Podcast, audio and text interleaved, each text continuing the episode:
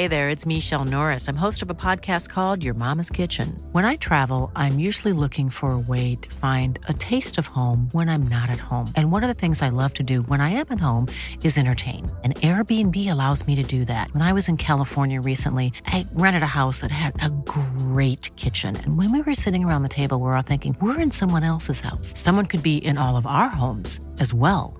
If you have a home, but you're not always at home, you have an Airbnb. Your home might be worth more than you think.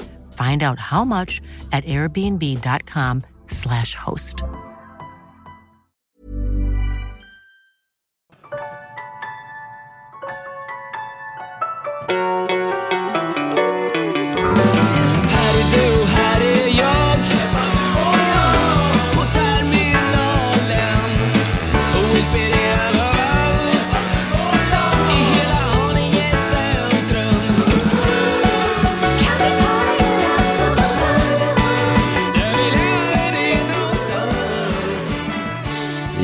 Hjärtligt välkomna till Lekset Sport! Och jag sitter här med Olle Palmlöf, hur mår du?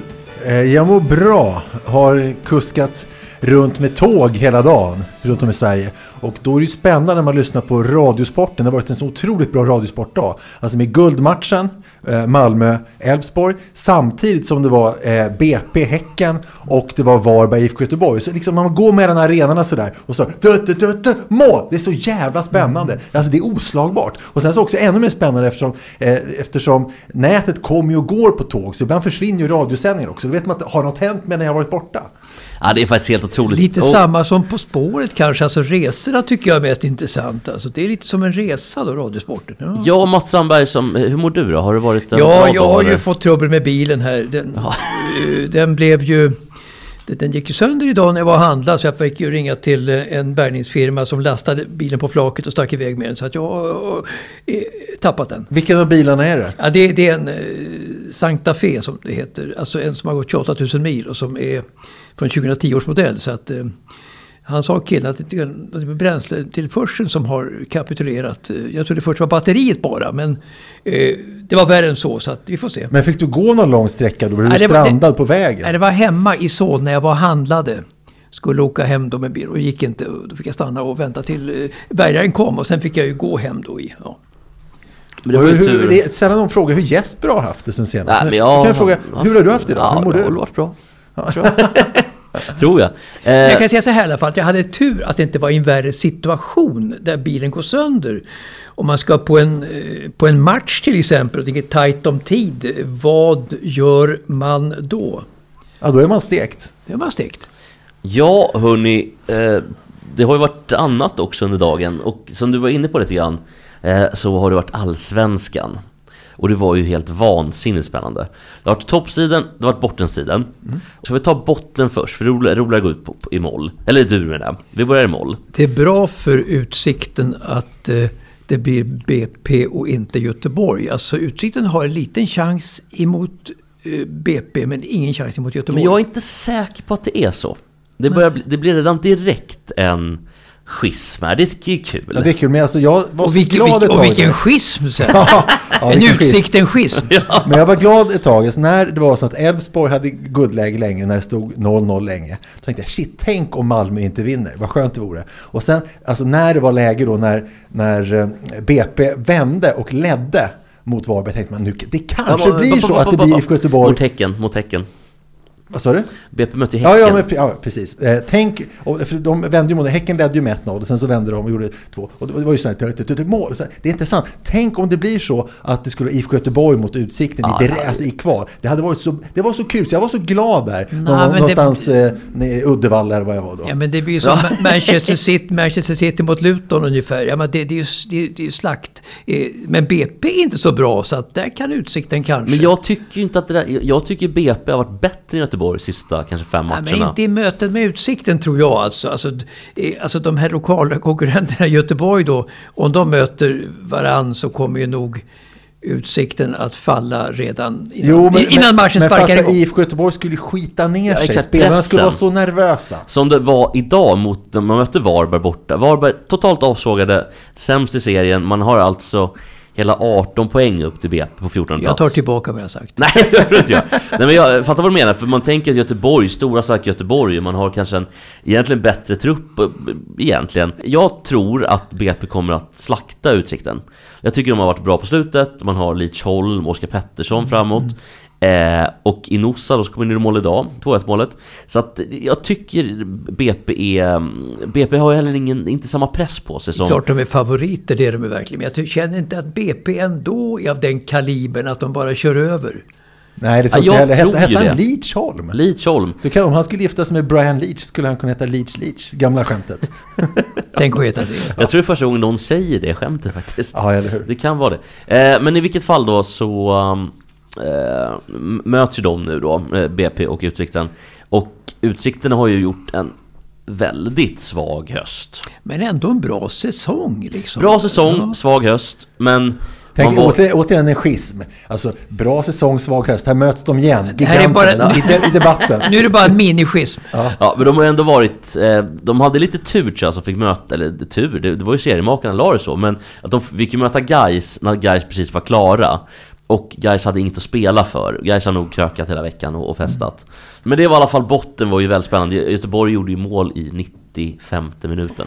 Genom, Ja, alltså, man, man brände ju straff också. ja, han, den, han måste ha varit nervös. Det, det hörde jag på. Men målet, där, var det, var, det, ett- var det ett turmål eller var det ett... eh, Det var ju väldigt dåligt försvarsspel. Ja, alltså, Av Varberg. Varberg är ju primitivt alltså. Släppte ju till otroligt mycket målchanser.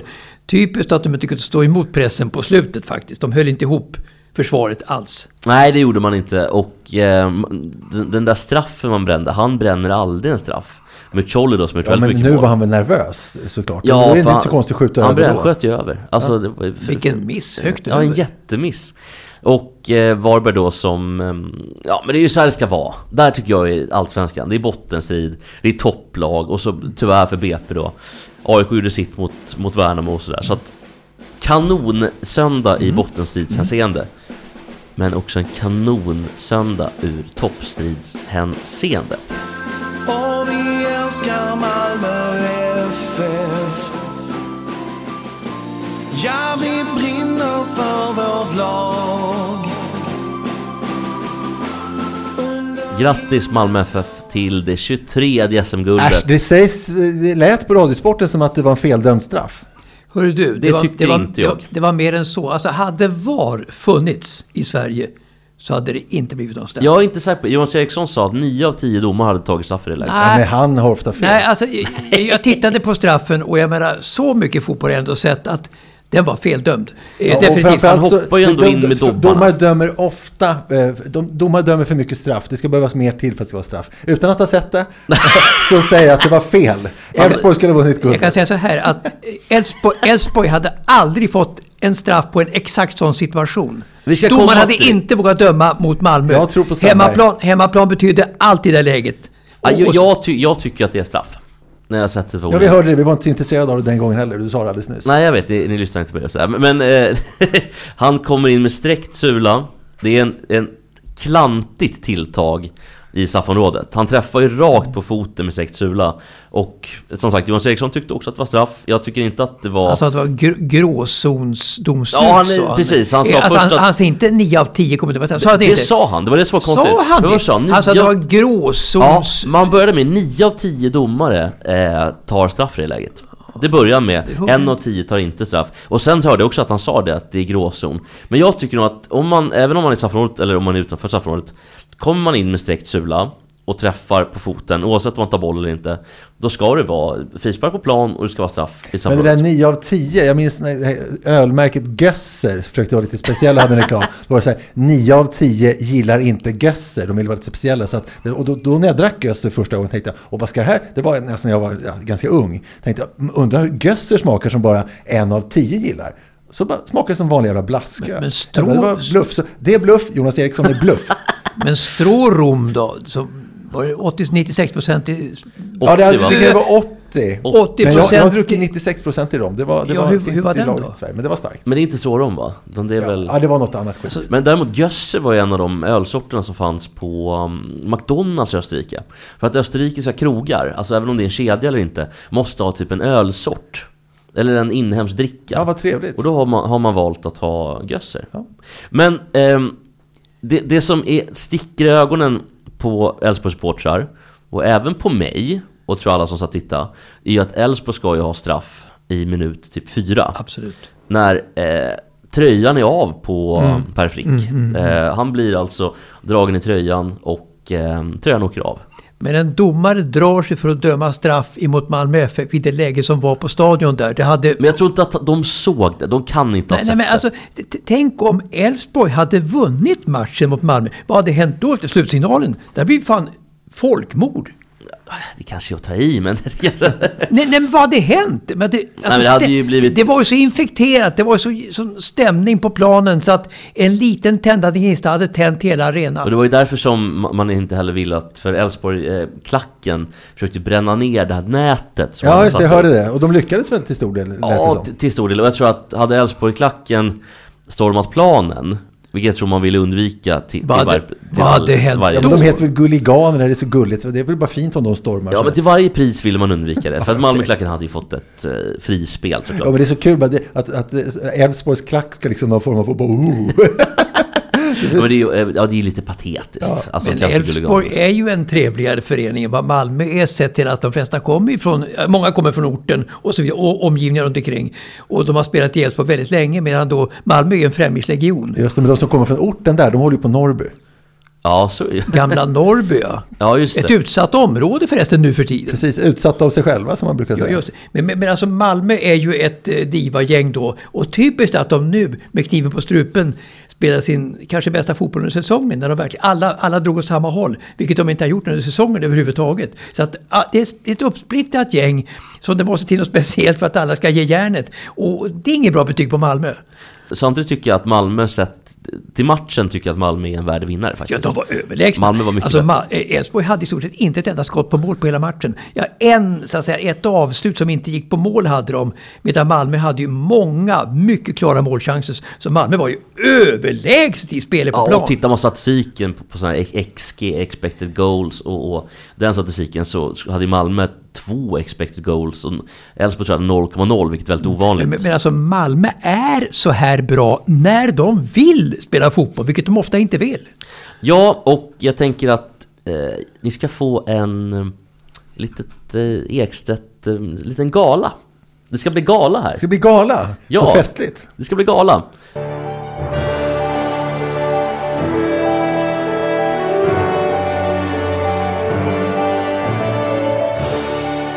Jo, det ska bli lite priser. Eller lite utnämningar. Vad från-. Får, jag Mats några eller? Nej, utan det har ju med Allsvenskan att göra. Ja, ja. Så att lagen i Allsvenskan, det jag kommer vara två kategorier.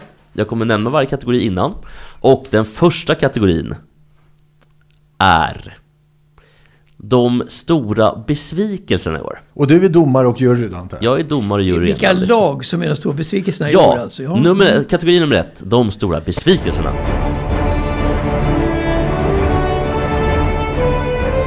På en tredje plats, AIK. AIK började säsongen eh, med en infernaliskt dålig fotboll. Det är bland det sämsta jag sett AIK prestera, i alla fall under de åren jag har följt Allsvenskan och det är ändå sedan 1997 kanske. AIK liten- börjar alltid allsvenskan dåligt. Ja, AIK är ju ett Så höstlag. AIK är alltså det tredje, från toppen, det tredje mest underpresterande laget. Ja, Ja, är ni överens här alltså? Ja, alltså jag står AIK faktiskt som, som eh, nästan som nummer ett tycker Ja, jag. nej, men det, jag, jag, är med vad, jag är med vad du säger, men jag tycker ett sätt att man torskade Man förlorade ju Sebastian Lars, man förlorade Micke Lustig Man förlorade lite av eh, kärnan man har i, i, i klubben Och har fått bygga om det under Och då förlorar tiden. de kärna själv bara för kanske tio år sedan. Ja, precis! Någonting sånt Kärnan fick ju avsluta med guld för övrigt i Göteborg då 2009. Och, 2009, precis. Han gjorde ju, Gjorde ju dess- mål. dessutom målet, vinstmålet. Fast det, det, de hade räckte ju med kryss. Men i vilket fall då så um, har AIK underpresterat grovt och ska ju inte behöva vara indraget i en bottenstrid. Jag tycker att AIK är trea på listan.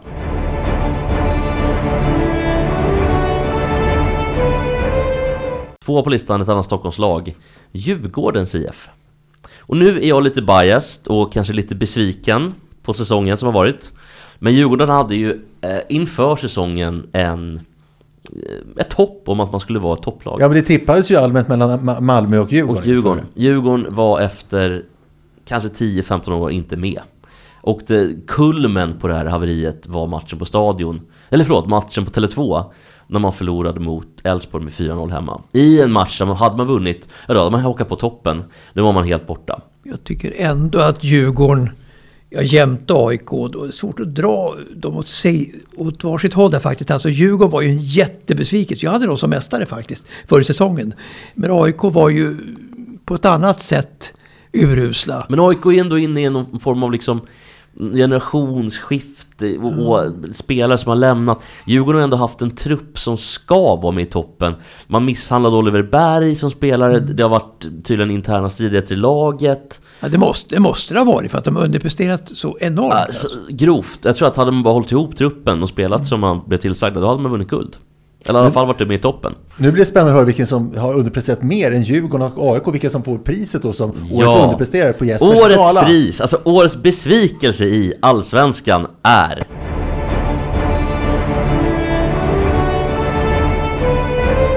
Tre veckor innan seriestart sparkar laget tränaren. Hela säsongen har gått i det tecknet. Spelarna har underpresterat, tränarna har underpresterat. Men på något sätt så lyckades man ändå klara sig kvar. Det gör man inte nästa år om det fortsätter i den här riktningen. Jag pratar förstås om IFK Göteborg. Eh, och det är inte bara att man ligger där man ligger på 13 plats. Det är inte bara att man är en stor klubb.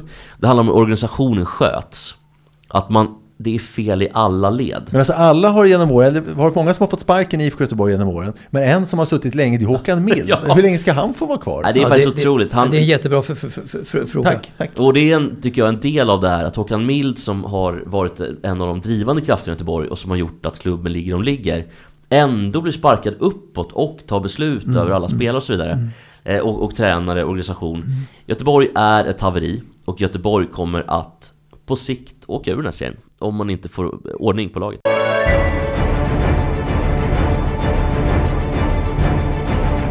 Nu till en roligare lista. Årets överraskningar. Tre på listan. Ett lag som sett till placering inte kanske är någon jätteöverraskning. Men sett till hur bra laget spelat och sett till hur laget presterat under året så tycker jag att Sirius ska upp på en tredje placering på överraskningslistan. Sirius har man ju tänkt ändå kanske ska ligga i mitten någonstans. Man slutade åtta, men det gjorde man eh, genom en jättestark höst. Och en vår där man faktiskt skulle tagit fler poäng än vad man gjorde. Och det som studsade emot på typ övertid under våren studsade istället med på hösten. Nu har ju eh, Sirius problemet att man är en säljande klubb, man säljer alltid iväg sina bästa spelare. Men jag tycker man har gjort det jättebra och eh, fått, fått in nya spelare. Man har fått upp Jocke Persson som har gjort en otroligt bra säsong. Eh, Abo Ali och eh, såklart Tarek Matthews då som man kanske blir av med nu. Men Sirius tycker jag har gjort Jo, en ypperlig säsong. om. Det kan jag hålla med om som, som, som Så det får godkänt av Mats. Absolut.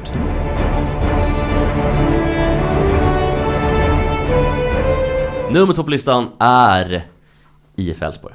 Även om man kanske är ett lag som ska vara någonstans 4 till 8 eller 4 till 7 kanske med, 4 till 6 så är man inte ett lag som jag i alla fall hade räknat med skulle vara Jag slåss mest tycker om nog nästan att, att jag har nästan de som etta faktiskt som överraskning och sådär. I och med att de i stort sett var klara som mästare då när de mötte eh, Degerfors egentligen. Det var ju stora blamagen för deras del eh, en vecka före avslutet då. De har slagit eh, Degerfors och vunnit SM-guld och det. Men det var ju mer en tillfällighet. Så att jag kan nog hålla Elfsborg som en gigantisk över... Sett till själva spelet också. De har ju eh, lyst som en stjärna över allsvenskan. Nimbus! Nimbus ja. De har haft Nimbus framförallt. Otroligt. Verkligen. Och eh, värdiga på överraskningslistan är Elfsborg. Nu undrar jag verkligen vilka, vilka kan bräcka Elfsborg på den här listan?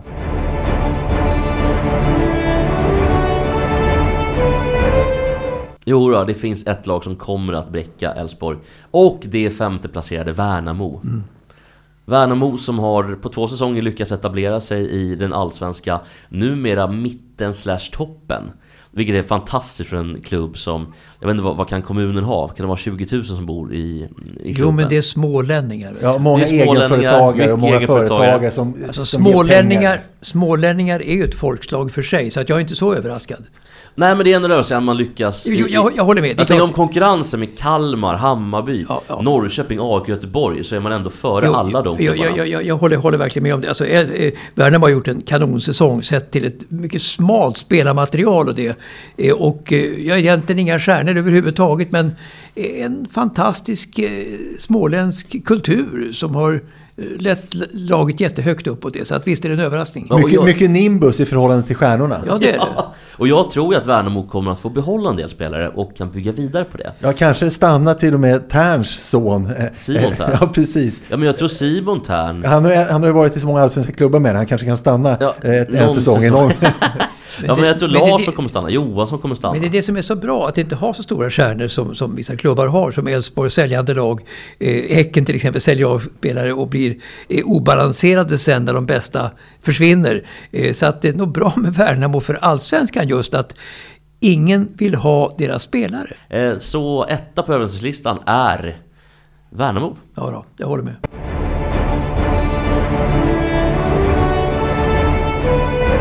och, Är är inte han Hans Zimmer som har skrivit alla de här Nej det här är Greg Halmi, eller Halme Det Greg, brukar vara Hans Zimmer. Greg Halmi, ja han skriver alltid Eller vad heter han eh, John Williams Ja, ja just det. Just det. John Williams, Hans Zimmer och vet han då Enrique Morricone, spagettivästen Oh, jo, men det, det låter inte så här riktigt. Det här är ju mer... Nej det är mer Ja, ja, precis.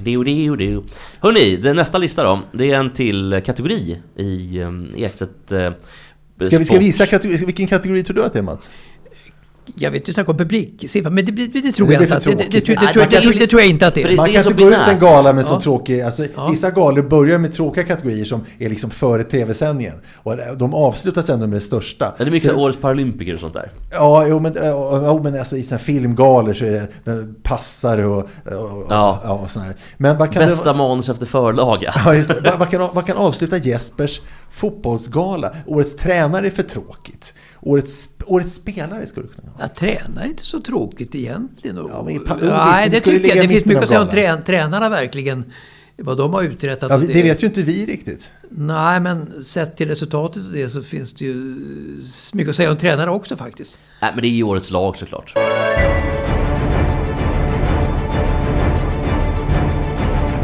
Ja, jag tycker att nummer tre på listan är Malmö med, även om de vann SM-guld Man eh, gör vad man ska. Men lyssna på den meningen, man gör vad man ska. Med den ekonomin, med den överlägsna eh, värld, alltså, truppvärderingen. Om vi kollar på sidan Transfermarkt och så jämför vi vad Elfsborg är värt och vad Malmö FF är värt så ser vi att Elfsborg är värda 17 miljoner 85 alltså euro då. Så ungefär 18 miljoner euro. Malmö FF är värd 31 miljoner euro. Man är alltså värd, truppen är alltså värd ungefär halva priset. Men hade du haft besvikelser, alltså topp 5 istället för topp 3, hade jag haft med Malmö FF där faktiskt.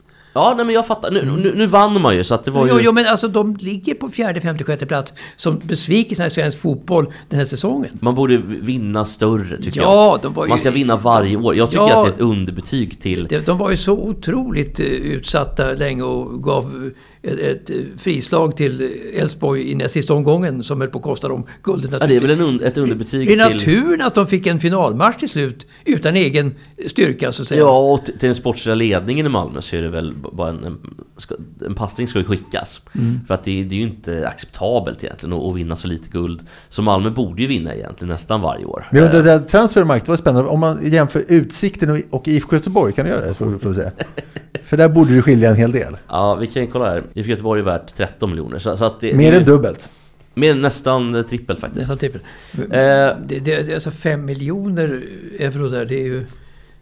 Det är mer än en vanlig villa, det är det för sig värt. Alltså, Ja, det är det. Men Men det- det, är inte så mycket mer än en villa egentligen. En, Alltså, fin, det- en fin villa. Nej, men Alltså. en fin villa i Danderyd är ju värd så Ja, en mycket. villa i Djursholm, det är värt så mycket ungefär. Då kan de Det- det- flytta dit allihopa? Ja, Ja, om de säljer hela truppen så kanske de kan flytta de dit. får ju plats i det huset i Djursholm, hela gänget. Så är det ju. Så är det verkligen.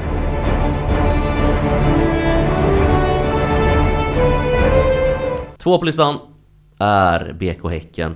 Och eh, jag tycker väl någonstans att Häcken kanske också i vissa matcher har gått ner sig lite och haft ett alldeles för dåligt försvarsspel. Men samtidigt så man, får man inte glömma att man har sålt bort... Ja, men de, får ta, de tappar så många spelare så de har ingen chans. Annars Exakt. hade de vunnit SM-guld. Man har sålt bort både Traoré och Sadik. Som båda hade varit med i toppen av skytteligan. Och jag tror att Häcken hade vunnit guld om eh, Traoré hade varit kvar. Säkerligen. Kanske också säkerligen. Sadik. Eh, samtidigt, jag kan inte säga att det, det är dåliga försäljningar, för man har fått in väldigt mycket pengar och man räddar upp ekonomin. Eller räddar upp gör man inte, men man förstärker ekonomin kraftigt med de här eh, försäljningarna. Men liksom pengar är inte mycket att ha för Häcken eh, jämfört med att ha bra spelare egentligen. Va? Så att, nu har vi mycket pengar på banken men blaha blaha pengar på banken. vad är det värt?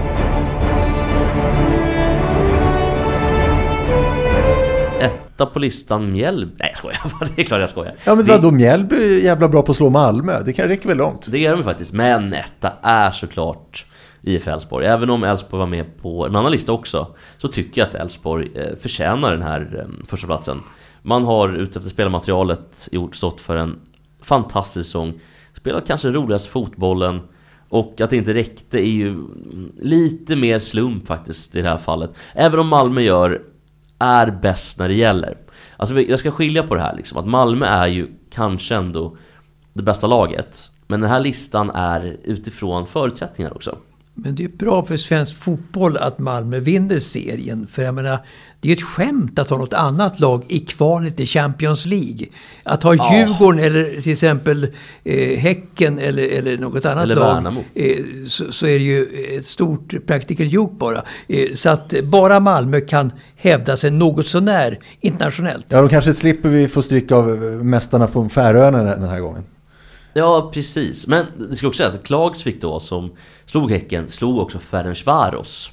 Så att så dåliga var de inte, tycker jag. Jag tänkte komma till det lite grann, till, till Häckens insats i Europa League. Alltså, Ja. eh, Den är ju i närmaste katastrofal. Alltså, de Ska vi ju- avsluta listan bara Mats? Så Ja, ja, visst. Det var inte det avslutade listan, det var den sista första Etta platsen. på listan, IF Elfsborg. Ja, de ska komma och ta, ta emot priset också.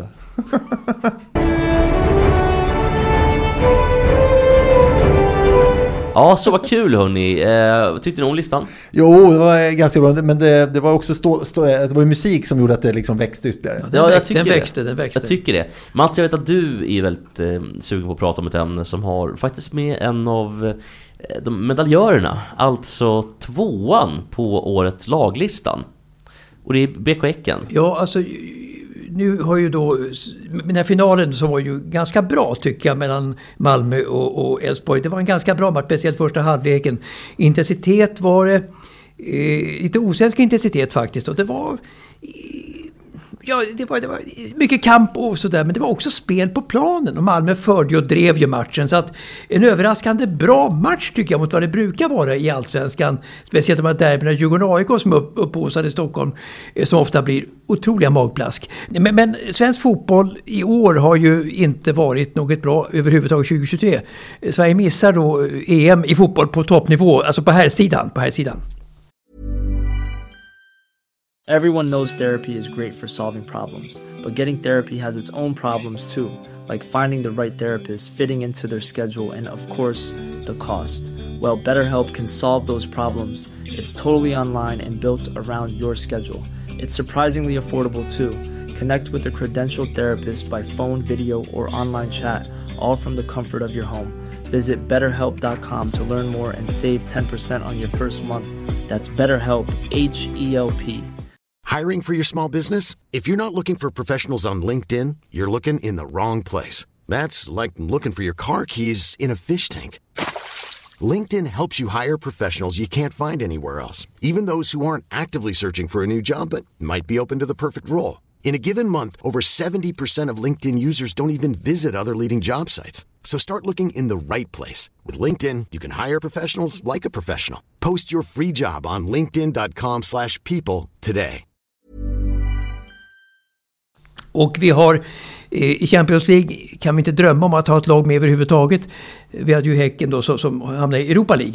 Eh, och, och, Europa League. och i Conference League, ingen spelar, inget lag med i Conference League heller som går vidare på något sätt. Och det är väldigt dåligt för Conference League håller ju inte så hög klass. Men i Europa League i alla fall så är ju Häcken med i en grupp då eh, i, med Leverkusen och Molde och Karabach och, och häcken, är, häcken är fyra. Alltså Häcken förlorar mot Molde hemma med 3-1 och matchen igen med 5-1 till Molde. Som inte har med toppen att göra överhuvudtaget i norska ligan. Bara, får jag bara komma ja. med ett perspektiv här ja. i, när det gäller Molde. Alltså Molde har förutom de här vinsterna då, mot Häcken i först hemma och sen borta. Mm. Där man alltså har 8-2 i målskillnad mot Häcken. Mm. Förlorat typ fyra eller fem matcher i rad i den norska ligan. Precis så är det. Precis. Och norska ligan som ändå jag tycker är lite sämre än den svenska. Ja, det ska den ju vara. Det ska. Förutom då att Bode Glimt till exempel är ett bra lag som, som har gått långt i Europa League och sådär. Och, och, och, även Molde som gick, eh, var gott, gick långt förra året tror jag i, eh, i Conference League. Men, men, men i vilket fall då så det, tycker jag det ska med som perspektiv till ja, Alltså Sverige ska ju inte stå efter norska ligan i fotboll. Det är ju det är ögonbrynshöjande tycker jag att norsk fotboll på den nivån slår ut den svenska. Är det liksom. pinsamt, men lite mer perspektiv då som Jesper skulle säga. Har svensk herrfotboll någonsin något år i världshistorien varit sämre än vad den är just Svaret nu? är absolut nej. Alltså, vi har ingenting som jag sa i någon liga överhuvudtaget. Men inte nog med detta då, utan U21-landslaget då eh, har misslyckats totalt i EM-kvalet. P19-laget näst sist i sin grupp i Elite Round. Eh, och P18-laget kommer sist i en landslagsturnering där Danmark vinner före Polen. Norge vinner före Danmark och Polen och Sverige på fjärde plats. det är, det är alltså, otroligt. Det, det, är otroligt svagt av, av ett gammalt fotbollsnation som Sverige att misslyckas så kapitalt som 2023 på alla nivåer. Tack för det Mats.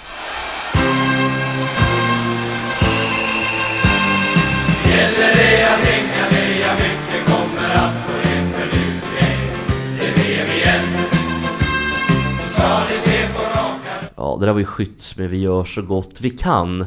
Mm. Och det är väl ungefär det det, det, är som, det, är ju känslan kring svensk fotboll, jag håller med dig Mats. Och eh, lite det här med att vi, de får inte räkna mål upp till 12 års ålder. Så här, det, är inte det lite vi gör så gott vi kan-känsla? Jo, det är det. Alla får vara med och spela bra, och det är ju skitbra. Men alla kanske inte behöver vara med på toppnivå, för att alla har inte Men vad kan det bero på annars att eh, allsvenskan är så pass svag, alltså lagen är så svaga jämfört med andra länders lag, även då Norge och Danmark? Men det, det är väl i och för sig ganska enkelt vad kan vi... det bero, Vad kan det bero på? Ja, 51%-regeln, skatteregler. Det är väl, ekonomi är ju, det är väl ganska enkelt tror jag, tyvärr. Men samtidigt vill vi inte ha vi vill väl inte ha Saudi-pengar eller oljepengar. Vi vill väl ha det så här. Norge har egna oljepengar ja. ja, precis. Ja, precis. Men jag vet, eh, jag vet Ola att du vill prata tennis. Ja, men precis. För jag, såg, jag blev så glad för några veckor sedan. Jag såg på semifinalen i Wiens ATP-turnering eh, mellan Medvedev och eh, Tsitsipas. Var det någon av er som såg det? Nej. Nej. Det är otroligt bra bollar i alla fall och eh, det är så kul att se just Medvedev mot Tsitsipas för att det blir sådana riktiga hatmatcher. Och det är ingenting som de ens försöker dölja för det är helt uppenbart. Men Medved... är bäst då? Ja, Medvedev har, har 9-4 på Tsitsipas nu, mm. så att Medvedev är bäst. Och det, och det är så att Medvedev föraktar Tsitsipas så otroligt mycket för att han låter sin farsa störa matchen hela tiden. Och eh, för han ropar tips till sin son och sådär. Och, och då eh, när han gnäller för domaren så bara skakar domaren på huvudet, han kan inte göra så mycket. Och sen dessutom så föraktar han honom för att alltid när han står inför ett, eh, ett om det är ett set till som Tsitsipas förlorar så förlorar han matchen. Då går han alltid ut och tar en toalettpaus och den blir alltid väldigt, väldigt lång. Och då blir också Medvedev galen galen. Man, you better shut your fuck up, okay? Lenny, Lenny. Hey, Stefanos, you wanna look at me and talk? Lenny, Lenny, Lenny, Lenny. You have some problems, you go emergency toilet for five minutes, urine, and then you say, and you, then you hit let and you don't say sorry, you think you're a good kid. If he doesn't say anything, I, I have no problems with him. But if he says something to me and he wants to fight, he needs to do it. He doesn't look at me after.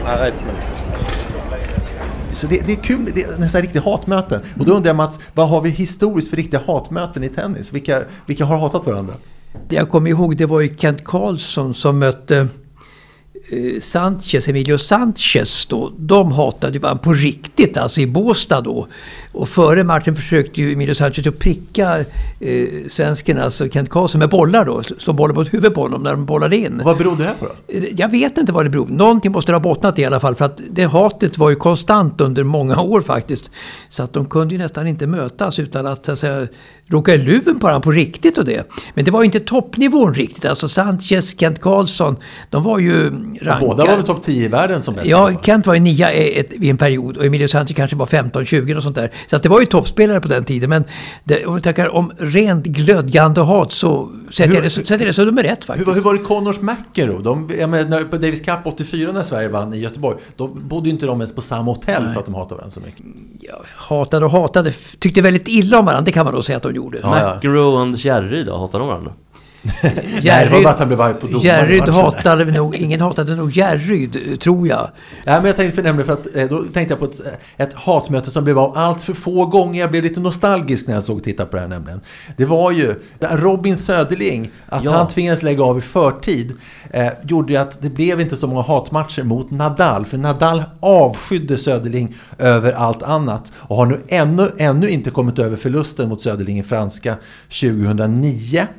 Då hade Nadal vunnit fyra raka titlar i Franska öppna och han hade 31-0 i matcher i Paris och hade inte tappat ett enda set sen finalsegern mot Federer 2007. Och Nadal var världsetta men Söderling vann med 3-set, 6-2, 6-7, 6-4 och 7-6. Och det var ju en superskräll som till synes kom från ingenstans. Men grejen är att den här segern, den var djupt grundad av Söderling redan två år tidigare. Franska 2009 var deras tredje möte, men deras andra möte, det var i Wimbledon 2007. Robin var då rankad 28 i världen och Nadal hade förstås inte en tanke på att förlora mot Söderling. Och grejen var att han, enligt Söderling, inte ens hade en tanke på Söderling och det var det som var det stora problemet enligt Söderling. För Robin sa redan tidigt att om man ska ha någon chans att slå de tre stora, Federer, Djokovic och Nadal, så måste man komma in i huvudet på dem. Och som läget var i Wimbledon 2007 så var Söderling för Nadal ingenting mer än en lång svensk som han skulle sopa banan med. Och, så det här blev alltså en maratonmatch. Och det var på grund av att det var ständiga regnavbrott. Och det innebar att spelarna fick promenera in och ut från omklädningsrummet jättemånga gånger. Och varje gång i omklädningsrummet så noterade Söderling Nadals alla tics och rutiner som han har för sig. Han måste göra exakt Eh, allt lika varje gång. Alltså, han tog vatten i håret, eh, han fixade med pannbandet och sen så vatten i håret igen. Han böjer sig ner och fixar strumporna, eh, fixar strumporna tillbaka. Sen så eh, böjer han sig ner och drar upp strumporna igen. Sen knyter, upp- knyter upp skorna. Knyter, så, så, Nadal, eller, så Söderling såg alla de här ticsen. Och tänkte, shit vilken snubbe, han är inte, liksom, han är inte riktigt, riktigt hel. Och det var vid ett av alla de här tillfällena och de här avbrotten som Söderling fick en snilleblixt om hur han skulle kunna komma in i Nadals huvud och störa honom. För utöver alla tics och rutiner som Nadal eh, hade så märkte Söderling att det var viktigt för Nadal att kliva in på tennisbanan när, efter avbrotten efter Söderling, alltså gå bakom honom. Så efter ett av de här regnavbrotten så bestämde sig Söderling för att vägra spela efter Nadals pipa och för en gångs skull inte lydigt gå framför. Vi ska lyssna på hur Robin berättade om det här i- i sitt sommarprogram för några år sedan. Han fattar vad jag försöker göra och han tänker inte låta mig jävlas hur som helst. Vid trappavsatsen stannar Nadal. Han viftar med handen, vill släppa fram mig och säger “Gå före du”. “Nej, gå före du”, svarar jag. Gången under jorden leder under nästan hela Wimbledons område. Den är också så smal att det inte finns plats att komma förbi. Där vankar vi i en till synes lugn parad med våra stora väskor över axlarna medan det egentligen pågår ett fullskaligt psykkrig. Bägge vet att när vi kommer upp ur tunneln till en bredare korridor som leder in på banan så ska sista slaget utkämpas. Vi kommer upp till de stora dörrarna som snart ska öppnas ut mot den fullsatta arenan. Då börjar Nadal plötsligt rota i väskan som om han har glömt någonting. Alla vet att han alltid måste hålla ett racket i handen när han går in, men det har han redan tagit upp. Han låtsas leta efter något annat, men alla vet att Nadal aldrig glömmer någonting. Allt han gör är noggrant planerat in i minsta detalj. Han får ingen ordning i huvudet om han inte har ordning på grejerna. Även funktionären har sett Nadals tvångsbeteende förut. Men nu är han stressad och på gränsen till förbannad över att vårt trams försenat oss i nästan tio minuter. Det är TV, ni måste gå in nu, säger han. Gå före du, säger Nadal. Nej, nej, gå före du, säger jag. Funktionären tittar på oss och undrar vad vi håller på med. Sen säger han Nadal, you go first. Jag ser hur Nadal tvekar när han tar första steget in på banan. Han har levt sitt vuxna liv på världens största arenor. Han är hemma överallt. Men nu beter han sig som man aldrig sett en tennisbana förut.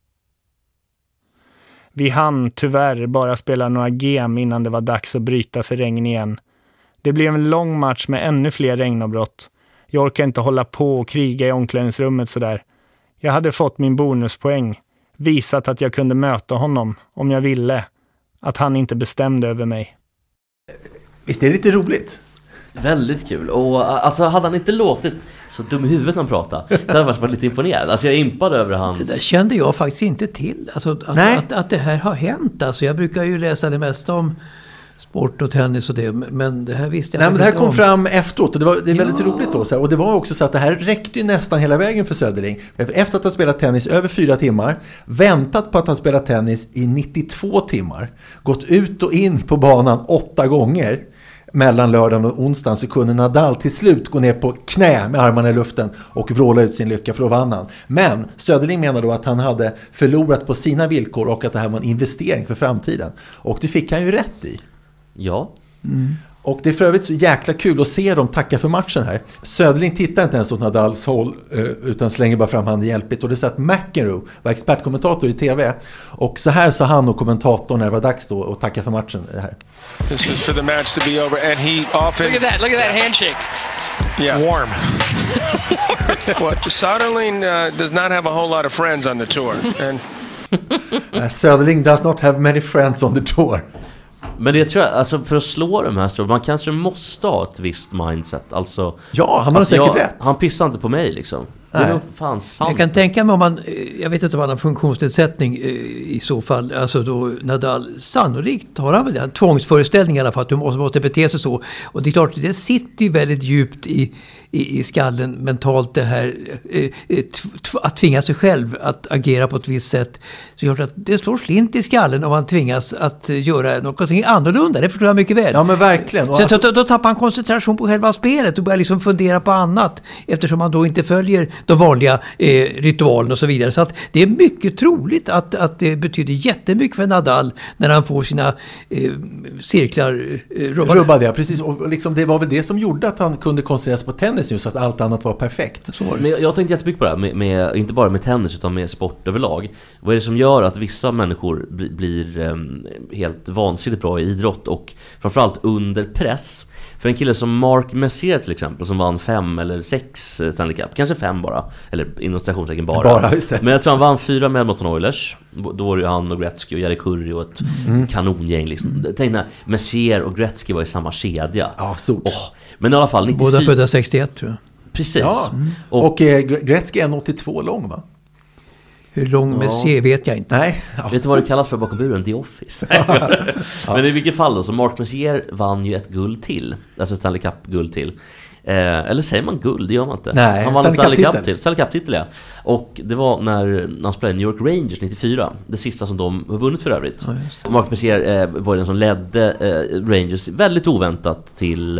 Eh, I och för sig det var ju spelare som Brian Leach med och sådär. Men så bra var han inte. Brian Leach som gifte Precis, sig med... Leach Holm. Just det. Leach Leach. För de, precis, de stavar ju olika. Så att det, Men vilka olika personligheter som, alltså Mark Messier och Gretzky, otroligt olika som personer. Eh, Jag har ju inte träffat dem personligen, någon av dem, men jag har ju följt dem ändå eh, under deras match. Jag har refererat deras matcher och så vidare och även eh, sett intervjuer och så vidare. Så att jag, alltså Gretzky är ju en en, en otroligt eh, välartad eh, kille på alla sätt. Det går inte att säga något negativt om, om Wayne Gretzky. Eh, och så där. Han, var ju, han är ju både ödmjuk och, och trivsam och trevlig och en fantastisk förmåga naturligtvis. Medan Messier är ju rätt tuff och kantig och ganska otrevlig. Så att eh, stora personlighetsskillnader mellan, mellan dessa två jättestjärnor. Ja, och vad var det du kom fram till där Jesper, när du kom in på Messier? Vad var det du skulle säga? Nej, att Mark Messier är en av de som tycker om det här läget. Och även om han har vunnit då tre så vet han ju vad det handlar om lite grann.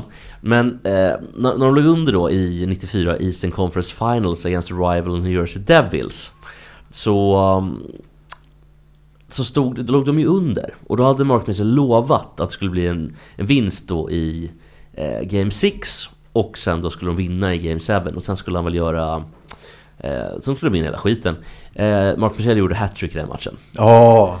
Och kliva upp och vara som bäst när det gäller sådär, det är något vi vanliga inte förstår. Nej, och inte minst då eh, Rafael Nadal som har vunnit näst flest Grand Slams mm. någonsin. Det är 20 stycken va? Eller 21? Jockan är nu eh, untouchable. ja, men det är men ingen, ingen kommer att slå hans rekord någonsin tror jag. Kan det hända överhuvudtaget att, att de slår honom alltså under 300, 400 och 500 år framåt? Jag tror inte det. Nej, det kommer inte hända. Men hur som helst, Nadal, verkligen en sån. Och det var en presskonferens efter den här matchen. Och då var Nadal riktigt förbannad på Söderling. Men han nämnde ingenting om psykkriget i omklädningsrummet. Däremot så tog han upp något som Söderling undvek att prata om i sitt sommarprogram. Det var ju faktiskt under den här matchen nämligen som Söderling inför ett fullsatt eh, Wimbledon med publiken härmar Nadals tics och rycka kalsongen och, och, och kliar sig i röven. Och det, han blir ju tokig på det Nadal. Man ser hur, när, när Nadal ser det, hur liksom hatet lyser ur ögonen. Och då på presskonferensen så kallade Nadal Söderlings uppträdande för det värsta tänkbara. Och han antydde att Robin skulle bli straffad i livet efter detta. Han sa, vi får se vad som händer vid livets slut. Och på den här tiden så var Nadals engelska ganska dålig så han eh, gav enbart intervjuer och presskonferenser på spanska. Så jag får läsa över vad han säger, så här som gör i P1 faktiskt fortfarande när det gäller engelska. Helt sjukt att de gör det. Men ja. kör upp lite grann från, från, från eh, presskonferensen ändå. Så får jag läsa över P1-aktigt. un chico que es extraño. Porque yo le he saludado a lo mejor han är en konstig kille. Jag har hälsat på honom kanske sju gånger, tittat honom i ögonen och sagt hej. Han har aldrig hälsat tillbaka. Jag har frågat andra spelare på touren om det bara är mig han gör så här mot. Men han gör det med flera andra. Och sen har ni själva sett vad han gör på själva banan. Syftandes då på eh, när han härmade att han drog i under kallingarna. Eh, han fick massor av nätrullar idag också. Han bad aldrig om ursäkt. Jag trillade och gjorde mig illa och han tittade inte ens åt mitt håll. Och när vi skulle tacka för matchen, jag sträckte fram handen, så petade han bara på den och tittade bort. Alltså grejer som inte finns på kartan att göra om man är en professionell tennisspelare eller en god människa. Och det här har han under flera dagar nu visat att han inte är. Eh, hård, hårda ord. Men jag gillar ju inte Nadal heller. Jag tycker att, jag tycker att Söderling verkar vara väldigt oförskämd. Men jag tycker också att Nadal verkar vara en bortskämd snorunge som har fått, pekat, fått exakt vad han har pekat på. Och också är van vid att han ska diktera, som du pratade om innan, Så är det ja, precis. villkoren. Ja. Och då är det klart att om man inte kan förstå, för han skulle aldrig förstå att han Nadal, att han har fått allt serverat. Nu är han en, en gudabenådad tennisspelare såklart. Men det spelar ingen roll för att han förstår inte att andra människor kanske inte har samma krattade manege. Så att han är ju någonstans formad efter sin tid eller efter sin, inte tid men eh, formad efter sin, eh, sin omgivning. Sin miljö som alla är. Men Mats, eh, Mats, visste du om att Söderling var så här, eh, var så här mot andra spelare? Nej, det visste jag inte. Överrask, överraskad, överraskad. Men jag håller nog inte med om Nadal riktigt. Han är ju en gåva till tennisen.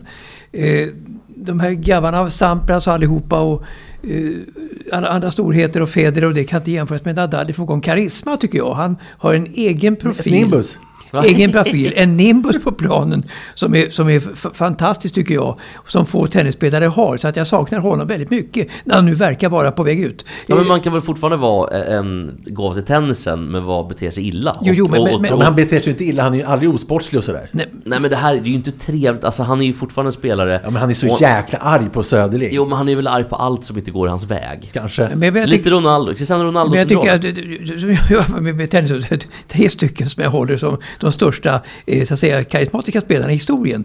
Det är ju inte Federer på något sätt och inte eh, Djokovic på något sätt och inte Sampras på något sätt eh, och inte John Jokom på de där för länge, ja, vilka länge sedan. Vilka ligger på och framförallt inte Björn Borg. Utan det är, ju, det är ju då Jimmy Connors som var fantastisk på sin tid. Som hade lilla extra karisman. Som drog publik till matcherna. Det är så, definiera vad det är för någonting. Och så har vi då Andrew Agassi, samma sak. Och så har vi då Nadal. Det är bara de tre tycker jag i historien. Det är som din egen tennisgala här fast utan som har, Som har det lilla extra eh, som är så svårt att hitta. Eh, som inte är så, som alla andra och, och som har den lilla udden utav eh, karisma som bejakas av publiken i högsta grad. Så att de tre håller jag som absolut outstanding i tennishistorien. Hade Söderling, hade Söderling karisma?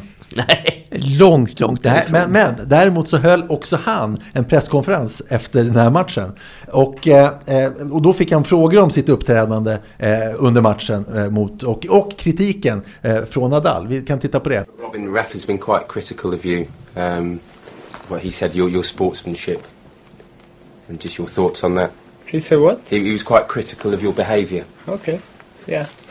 I'd probably say the same, but I mean, I won't do that. I keep it to myself. I mean, if if if, if he's complaining about that, I'll never say hi to him. I mean, what can I do? He was also complaining about um, the ball hit the net and went over, um, not doing the courtesy wave, I guess, um, the handshake, things like that. He must have been on his complaining mood today, then. Huh? I mean, if my opponent gets, I mean, gets a lucky shot and he doesn't say I'm sorry, I mean, I don't care. For me, it's okay. I mean, why why why should I say I'm sorry when I'm like happiest moment of my life? Why should I say I'm sorry? That's just, I mean. Saknar Söderling då. Why should I say I'm sorry when it's the happiest day of my life? när han får nätrullar. Ja, men det, jag, jag tycker att eh, Söderling verkar vara en vidrig människa också. Men jag... Han är ju en träningsprodukt. Jo, men så här, men så här, Söderling har också erkänt att han var vidrig människa under sin tenniskarriär. Har han erkänt nu när han fått lite perspektiv på det. Men också bara säga att efter den här matchen i Wimbledon så vann han sen ju franska 2009. Eh, Och då vann han också faktiskt matchen efter det. Så han vann två raka mot Nadal. Så han hamnade verkligen huvudet på Nadal. Och sen så fick han stryk då i matchen därefter. Och det var den här stora finalen 2010. Mm. När de möttes i finalen i franska. Och då fick ju Nadal gruvlig revansch. Så det slutade ju... Så de har 2-2 i matcher alltså? Nej, 6-2 till Nadal. Nadal hade vunnit en tidigare också, så Men det vann han måste de vara sista. få som har den statistiken som Söderling har mot Nadal ändå. Ja, Alltså faktiskt. två av åtta vinster. Men visst, alltså, de här riktiga hatmötena, de saknar man lite. Så det, det är kul att Tsitsipas och Medvedev tycker så illa om varandra Ja, och det- att de är li- alive and kicking. Ja men kul, men jag tycker, han har ju rätt på det. Varför ska jag be, be om ursäkt när det är min Ja, lyckligaste men dag det är väl kanske för att tennis är väl ändå en gentlemannasport. Så man, Ja, utåt sett men- så ska man väl ändå jo, men- hålla. Det, det var kanske förr. Jaha, okej då. Eh, vi går vidare.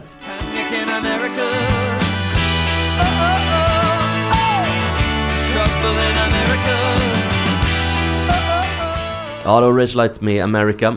Och eh, bra låt tycker jag. Panic Trouble Ja, och vad har den med ämnet då? Det ska bli spännande. Ja, det är ju så här att eh, det har ju kommit fram nu vad... Eh, kommer vi pratade om Galenschnuk? Han som eh, hade skrikit grejer till eh, de, de, här eh, poliserna i Phoenix. Han som sa att I'm gonna erase your bloodline. Ja, ja, just det, just det. Jag tänkte vi ska lyssna på hur, hur det lät. För de har, nu har nämligen polisen släppt eh, de, eh, hur det lät. I'll chop all of you motherfuckers. And you know that's true. I'll fucking chop all of you fucks. I'll chop you. You, your wife, your fucking daughter. Let me go or else that. There's gonna be one fucking phone call and you'll never see your fucking family again. How scary is that? Your whole fucking bloodline is dead. Your family is alive. I'll chop them all in the fucking span of fucking three years. You know that. Jo, det var den ryska maffian någon som pratade. Ja, det var otroligt ovanligt faktiskt. Vilken snubbe! Ja, jätteläskigt. Och nu har ju då... Gissa vilken liga som har tagit emot honom med öppna armar? Eh, mexikanska ligan. Nej, den... Guatemala... Nej då. Eh, han är såklart i KL nu. Han ser ju helt väck i huvudet ut. Ja. Alltså han har ju ta- tagit något eh, och druckit en hel del och sådär. Men eh, han har ju blivit... eh, Han blev ju då av... eh, Han fick ju gå från Phoenix. Och det var bra. Hur duktig har han varit? Eller hur duktig är han på hockey? Det har väl varit en hygglig spelare, men inte mer än så. Tack för idag Mats. Okej, tack detsamma. Tack för idag Olle. Tack. Och! Det här är viktigt. Den 18, alltså på lördag, så är det match ute i Kälvesta. Kälvesta som är känt för att de har eh, färgkombinationen brunt och gult i Och sina där tröjor. störtade Hasse Alsér eh, Precis, ja. 1977. Just det, störtade och dog här i Kälvesta. Dog Flygplanet. 77, Just Hasse det. Alsér i Kälvesta. Det är alltså match ute i Kälvesta mellan Hässelby-Kälvesta och eh, laget eh, Skarpnäck. Eh, spelas då i Grimsta ishall klockan 17.30. Och eh, det blir lite mustaschcamping, det blir en korvetta tävling, Men puckkastning. Varför säger du detta?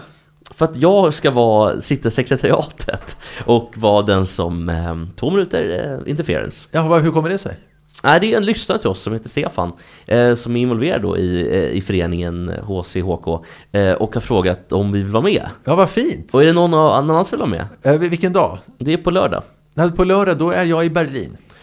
Mats, 17.30 på lördag. Jag måste nog kolla hemma först alltså. Måste kolla hemma. Men jag kommer i alla fall vara där. Och Ja, jag, det är jättekul ju. Ja, men jag är då den som eh, kommer liksom och eh, då blir det verkligen fem minuter misconduct Ja. och sånt där. Och du får hålla ställningarna och hålla, hålla eh, vårt eh, program... eh, hålla fanan Ja, även högt. musiken. Fanan, Jag fanan högt vi helt ska enkelt. kuppa Det in är, lite. det är fan och som Ja, det är fan och. Ja, och kuppa in kanske allt de bygger upp och såna grejer. Alltså, Ja, men det är kul. Jag kommer ändå även sköta musiken nämligen i, i, i pausen där. Eller i... Eh, när Men ska du, låter. ska du inte hålla en tyst minut, när du får så fria tyglar, ska du inte hålla en tyst minut för Hasse Alsér då? då? Vad sjukt, helt opåkallat, utan att ha berättat det såklart. Men jag tänker också att, ehm, vad, vad borde man köra för musik till exempel när det är folk som... Ja, Adagio, dödsmässa för Hasse Alsér. Ja, det är ju trist, men tänk, tänk om någon blir utvisad, alltså motståndarlaget Då är det ju alltid så här breaking the law Eller eh, du kär eller snickerboa brukar det vara också Ja, just det. Men Och- kör, kör Breaking the Law.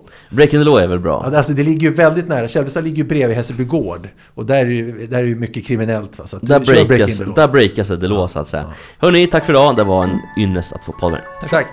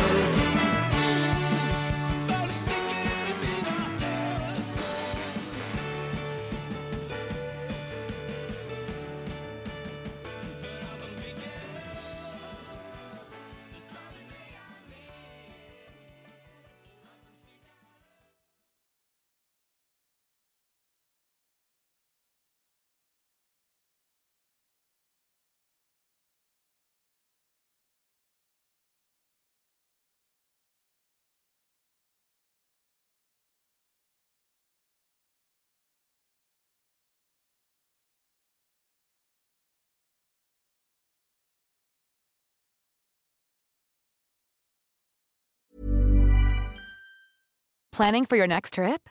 Elevate your travel style with Quince. Quince has all the jet setting essentials you'll want for your next getaway, like European linen, premium luggage options, buttery soft Italian leather bags, and so much more. And is all priced at 50 to 80% less than similar brands.